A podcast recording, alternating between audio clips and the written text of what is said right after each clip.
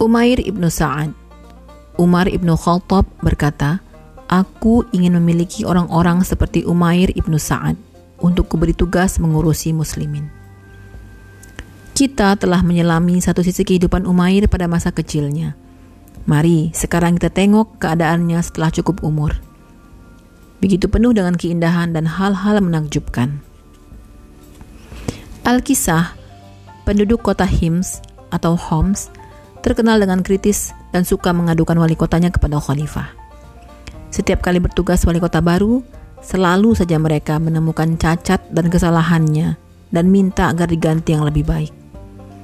Akhirnya, Amirul Mukminin bertekad untuk mengirim seorang wali kota yang benar-benar tak tercela dalam tugasnya. Dia mulai menyeleksi orang-orang andalan dan didapatkannya bahwa yang terbaik di antara mereka adalah Umair ibnu Sa'ad. Sementara itu, Umair sendiri terus berjuang di wilayah Syam. Bersama pasukannya, dia membebaskan kota demi kota dari kemusyrikan dan mendirikan masjid-masjid di setiap daerah taklukan. Amirul Mukminin segera mengirim surat penugasan kepada Umair untuk mengurus wilayah Hims dan hendaknya langsung saja menuju ke sana dari dari front. Umair mematuhi walaupun dengan enggan. Dia memang tak bisa lepas dari jihad fisabilillah. Begitu tiba di Hims, Umair ibnu Sa'ad mengajak orang-orang untuk sholat berjamaah. Setelah itu dia berpidato, Wahai saudara-saudara, saudara-saudara, Islam adalah sebuah benteng yang kokoh berpintu kuat. Benteng Islam itu berupa keadilan dan pintunya adalah kebenaran. Bila benteng tersebut ditim, dirobohkan dan pintunya dihancurkan, maka terinjak-injaklah kehormatan agama ini. Islam akan tetap kuat selama penguasanya kuat. Kekuatan penguasa bukanlah terletak pada kesewenang-wenangannya dengan cambuk atau pedang, melainkan pada penegakan keadilan dan penerapan kebenaran. Kemudian, mulailah Umar menekuni pekerjaannya untuk merealisasikan garis-garis besar pidato yang diucapkannya. Setahun penuh Umair bertugas di Hims tanpa memberikan laporan kepada Amirul Mukminin dan tidak pula mengirim uang pajak sedirham pun untuk Baitul Mal. Hal ini menimbulkan kecurigaan Umar bin Khattab dia khawatir bawahannya itu terjangkit cobaan jabatan dan kekuasaan. Karena bagi Umar tidak ada orang yang maksum kecuali Rasulullah. Umar memerintahkan kepada sekretarisnya, kirimkan surat kepada Umair ibnu Sa'ad dan katakan agar segera datang ke Madinah begitu menerima surat itu. Suruh dia membawa serta uang pajak yang didapat. Setelah menerima surat panggilan, Amirul Mukminin Umair ibnu Sa'ad langsung berangkat ke Madinah. Di bahunya tergantung tas bekal dan gayung untuk berwudu, sedangkan di tangannya tergenggam tombak. Dengan bekal itu, dia meninggalkan Hims, berjalan kaki menuju Madinah. Sesampainya di Madinah, keadaan fisik Umar berubah. Umair berubah banyak. Tubuhnya menjadi kurus, rambutnya panjang dan mukanya pucat karena beratnya perjalanan.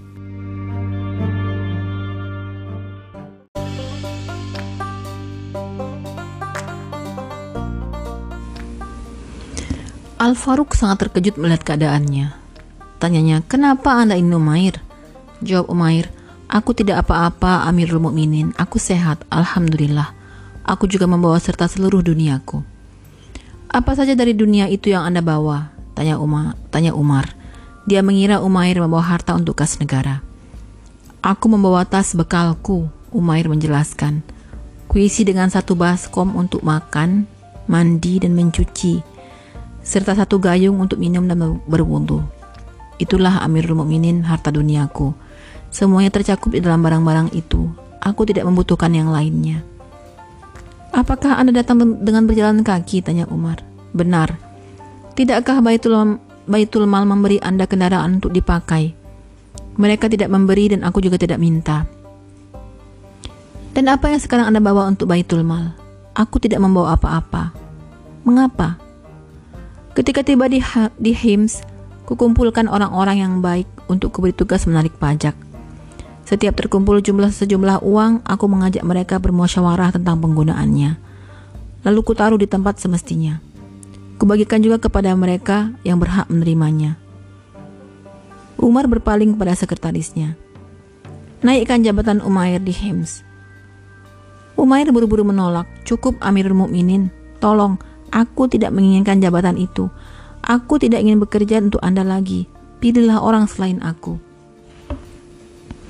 Selanjutnya dia minta izin untuk pulang ke desanya di, di pinggiran Madinah. Keluarganya berada di sana.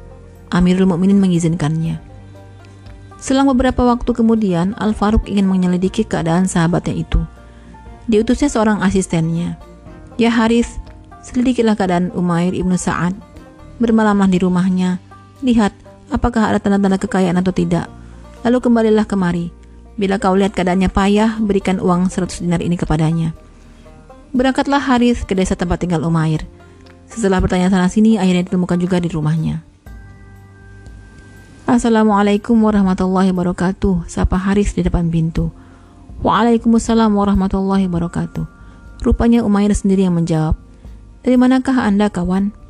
Dari Madinah, jawab Haris. Bagaimana keadaan kaum muslimin di sana? Baik-baik saja. Bagaimana dengan Amirul Mukminin? Alhamdulillah sehat. Bukankah dia menegakkan hukum-hukum Allah? Benar. Bahkan dia baru menghajar seorang putranya karena melakukan satu dosa. Padahal pemuda itu sebelumnya sudah mendapat hukuman. Ya Allah, bantulah Umar karena aku tahu dia sangat menyukai itu. Haris menginap di rumah Umair selama tiga hari dan tidak diberi makan kecuali sepotong roti gandum. Pada hari ketiga, seorang berkata kepadanya, Wahai tamu yang baik, Anda telah menyulutkan Umair. Keluarga itu tidak punya makanan, cuma sepotong roti yang diberikan kepada Anda sebagai peng pengutamaan. Sekarang ini mereka sudah kepayahan karena lapar. Kalau Anda memandang baik untuk pindah ke tempatku, maka lakukanlah. Aku akan menerima Anda dengan baik.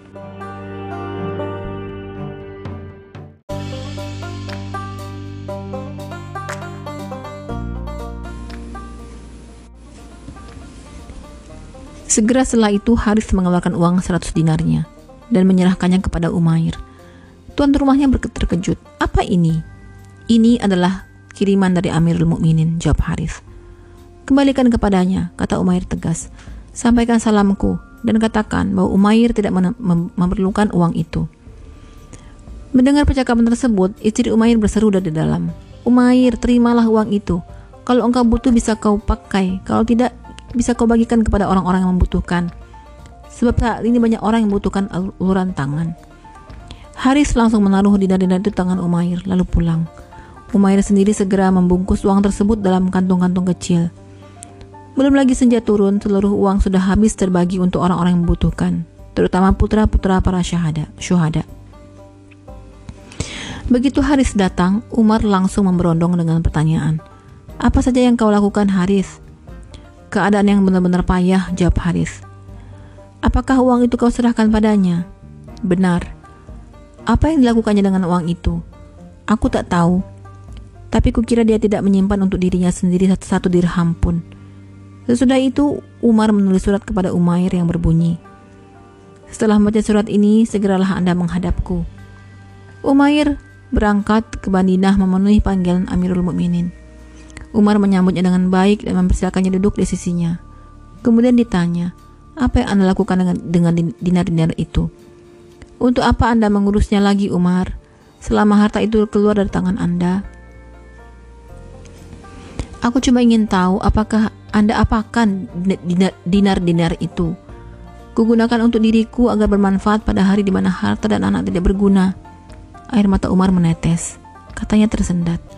Aku bersaksi bahwa Anda termasuk golongan manusia yang mengutamakan orang lain lebih dari diri sendiri. Kemudian Umar mempersiapkan sekarung gandum dan dua potong pakaian. Melihat itu Umair berkata, "Kalau makanan aku tidak butuh, Amirul Mukminin. Aku sudah meninggalkan untuk keluargaku dua gantang gandum. Belum habis itu dimakan. Allah sudah akan memberi kami rezeki. Kalau dua pakaian itu aku bisa menerimanya. Sebab Ummu Fulan, istrinya, bajunya sudah usang dan nyaris, nyaris telanjang." Tidak lama setelah pertemuan kedua sahabat itu, Umair ibnu Sa'ad menyusul. Umair ibnu Sa'ad menyusul nabinya yang telah lama berpulang. Dia menapak dengan tenang, melangkah mantap di jalan akhirat dan tidak membebani punggungnya dengan beban-beban dunia. Tak ada yang menyertai kecuali cahaya, petunjuk dan kesederhanaannya. Ketika berita duka ini sampai di telinga Al-Faruq, kesedihan langsung membias di wajahnya. Umar berduka sambil berkata, Aku ingin memiliki orang-orang seperti Umair ibnu Sa'ad untuk kuberi tugas mengurus muslimin. Semoga Allah meridhai Umair ibnu Sa'ad. Dia adalah seorang yang memiliki karakter tersendiri di antara khalayak lainnya dan seorang murid yang baik hasil didikan Muhammad ibnu Abdullah Rasulullah Shallallahu Alaihi Wasallam.